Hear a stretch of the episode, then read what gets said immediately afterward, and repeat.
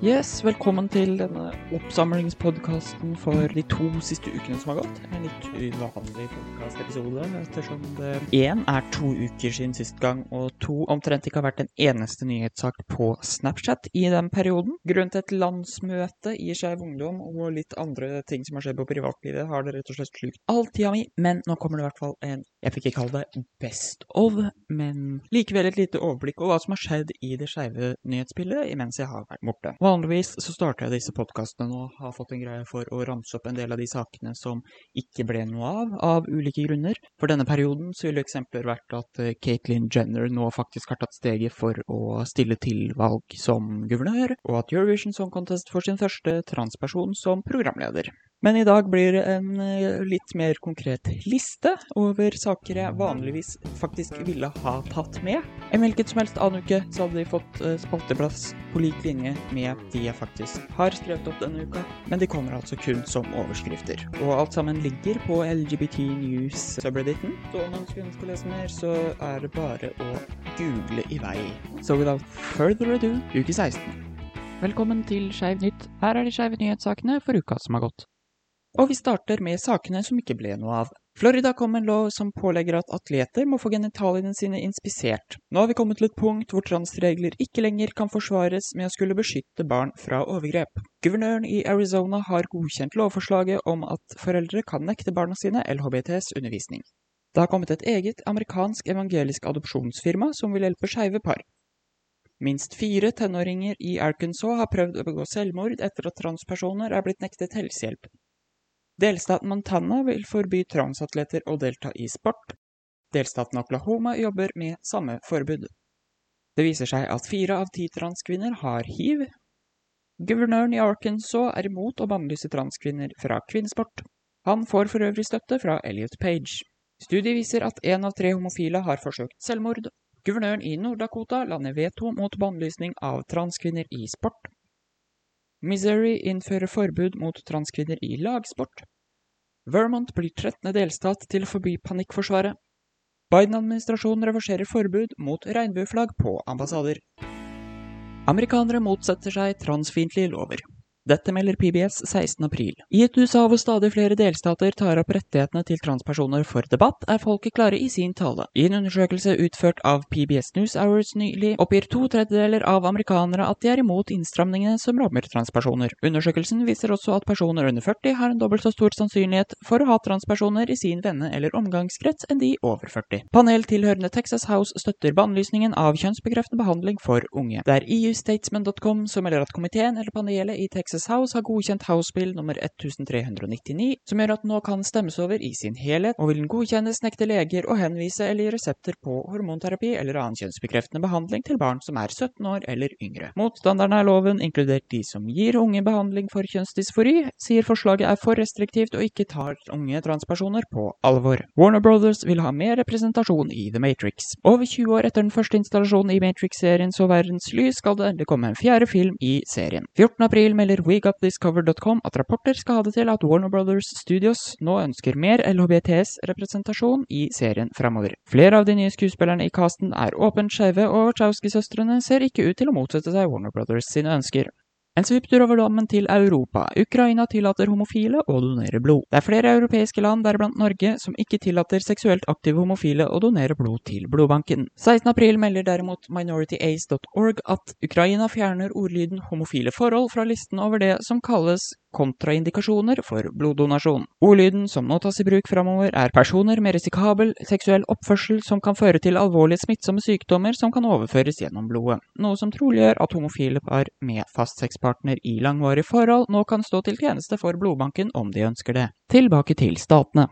Marjorie Taylor Greene ønsker dragartist arrestert og tiltalt for å ha vært nær barn. 19.4 forteller LGBTQ Nation at medlem av Representantenes hus i USA for det republikanske partiet Marjorie Taylor Greene har kommet med nok et kontroversiell utsagn. Høyreekstremisten mener at en dragartist i Los Angeles burde siktes og arresteres etter at det har kommet fram videoopptak av at artisten hadde barn med seg på scenen og ba dem om å posere. Green har òg vært ute på Twitter med hashtaggen Save the Children, så en motstridende artikkel mot noe vi allerede har sagt. Guvernør legger ned veto mot restriksjoner på seksualundervisning. Guvernøren i Arizona, Doug Ducey, la tirsdag uke 16 ned veto til Senatets forslag om å innføre landets strengeste føring for seksualundervisning. Dette melder NBC News 21. april. Loven ville forbudt alle former former for seksualundervisning for elever under 5. klasse, samt nekte lærere å diskutere tematikk som hiv, aids, kjønnsidentitet eller legning uten å gi foreldre en måneds forvarsel, så de kunne tatt barna sine ut av den undervisningstimen om de skulle ønske. Å snakke om hendelser som Stonewall i historietimen ville også blitt felt av denne loven. Ducey la også til grunn at loven var for vag.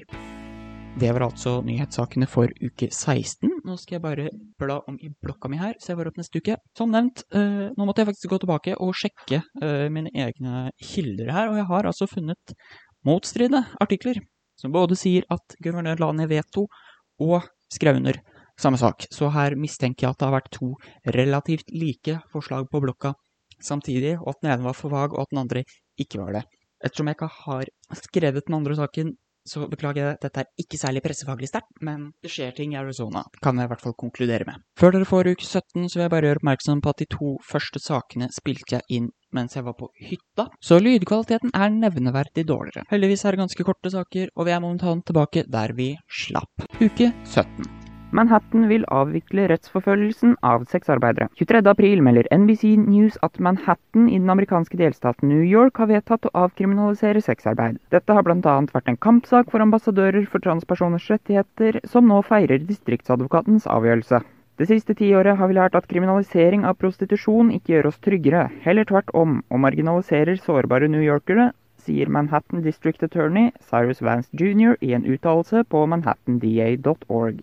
En ny versjon av Queer as Folk har fått grønt lys. Out in Perth meddelte 12.4 at det nå vil komme en ny versjon av TV-serien Queer as Folk. Denne sesongen ville være satt i New Orleans, og Russell T. Davies, som sto bak originalserien, ville være med som produsent. Første sesong var satt i Manchester og ble sendt på skjermen i 1999, og første runde av den amerikanske versjonen hadde sine sendinger fra 2000 til 2005. Hele vil være ny når de åtte nye episodene er klare. Byråd innfører interkjønn-inkluderende undervisning. Byrådet i New York City har vedtatt at det skal pålegge tilrettelegges undervisning i tematikk vedrørende interkjønn for leger, samt at informasjon skal tilgjengeliggjøres for foreldre og verger for interkjønn-barn. Det er Gay City News som omtaler saken 26. april. Det var homofile byrådsmedlem Daniel Droom fra Queen som kom med lovforslaget, som ble nesten enstemmig vedtatt med 45 stemmer mot to stemmer samt én avholdende. Med interkjønn-ambassadører i ryggen planlegger byen å gi pedagogiske ressurser for å forebygge kosmetiske kjønnsoperasjoner på unge eller nyfødte interkjøtt barn som er utelukkende tilpasset den binære kjønnsmodellen. Guvernør sverger å legge ned veto. Saken er hentet fra Pink News 21. april. Guvernør for Louisiana og demokraten John Bell Edwards sier på en pressekonferanse mandag forrige uke at han sverger å legge ned veto mot antitransregler. Han legger i det å vetoe alle unødvendige forslag eller lovforslag som diskriminerer mot det han kaller skjøre transungdommer, om disse lovforslagene skulle ende opp på hans pult. Han legger òg til at han foreløpig er håpefull mot at det ikke vil vedtas noen lover av denne karakteren i Louisiana. Simpsons karakter får skeiv stemmeskuespiller. Den skeive Simpsons-karakteren Julio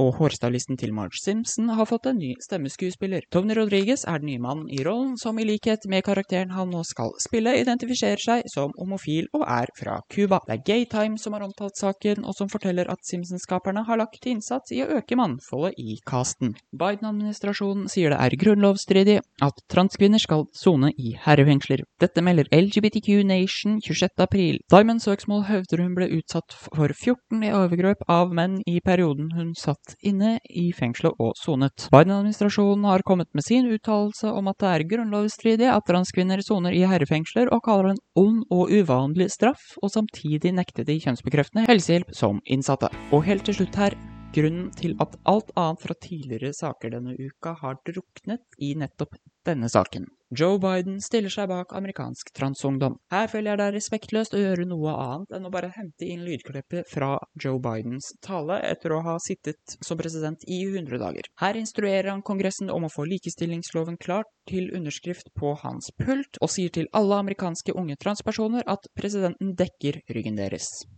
I also hope Congress will get to my desk the Equality Act to protect LGBTQ Americans. For all transgender Americans watching at home, especially young people, you're so brave. I want you to know your president has your back. Another thing, let's authorize the Violence Against Women Act, which has been law for 27 years.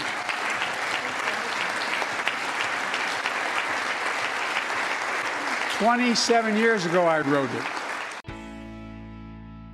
Sånn, nå kommer hvert øyeblikk den forhåndsinnspilte sporet av meg som ramser opp det som allerede står i podkastbeskrivelsen, men før det vil jeg bare presisere at pausen Skeiv har hatt på Snapchat de siste to ukene, er over. Hvis du hører denne episoden den dagen den kommer ut, som er søndag, så kan jeg glede deg med at den daglige oppdateringen på det skeive nyhetsbildet er tilgjengelig allerede klokka fire. Eller klokka tolv om du skulle høre på dette en annen dag, fra fredag til onsdag. Takk for meg, og ha en fin uke uansett hvor eller hvem du er. Takk for at du hørte på ukens podkastversjon av Skeivnytt. Vi henter våre nyhetssaker fra subredditen LGBT News. Du kan følge lenken i toppen av episodebeskrivelsen for å lese sakene vi har omtalt. Husk å følge oss i din foretrukne podkastapp for å få med deg nye episoder. Skeivnytt fikk du av Mason Wesi, og husk at vi alltid er først på Skeiv Vlogs Snapchat.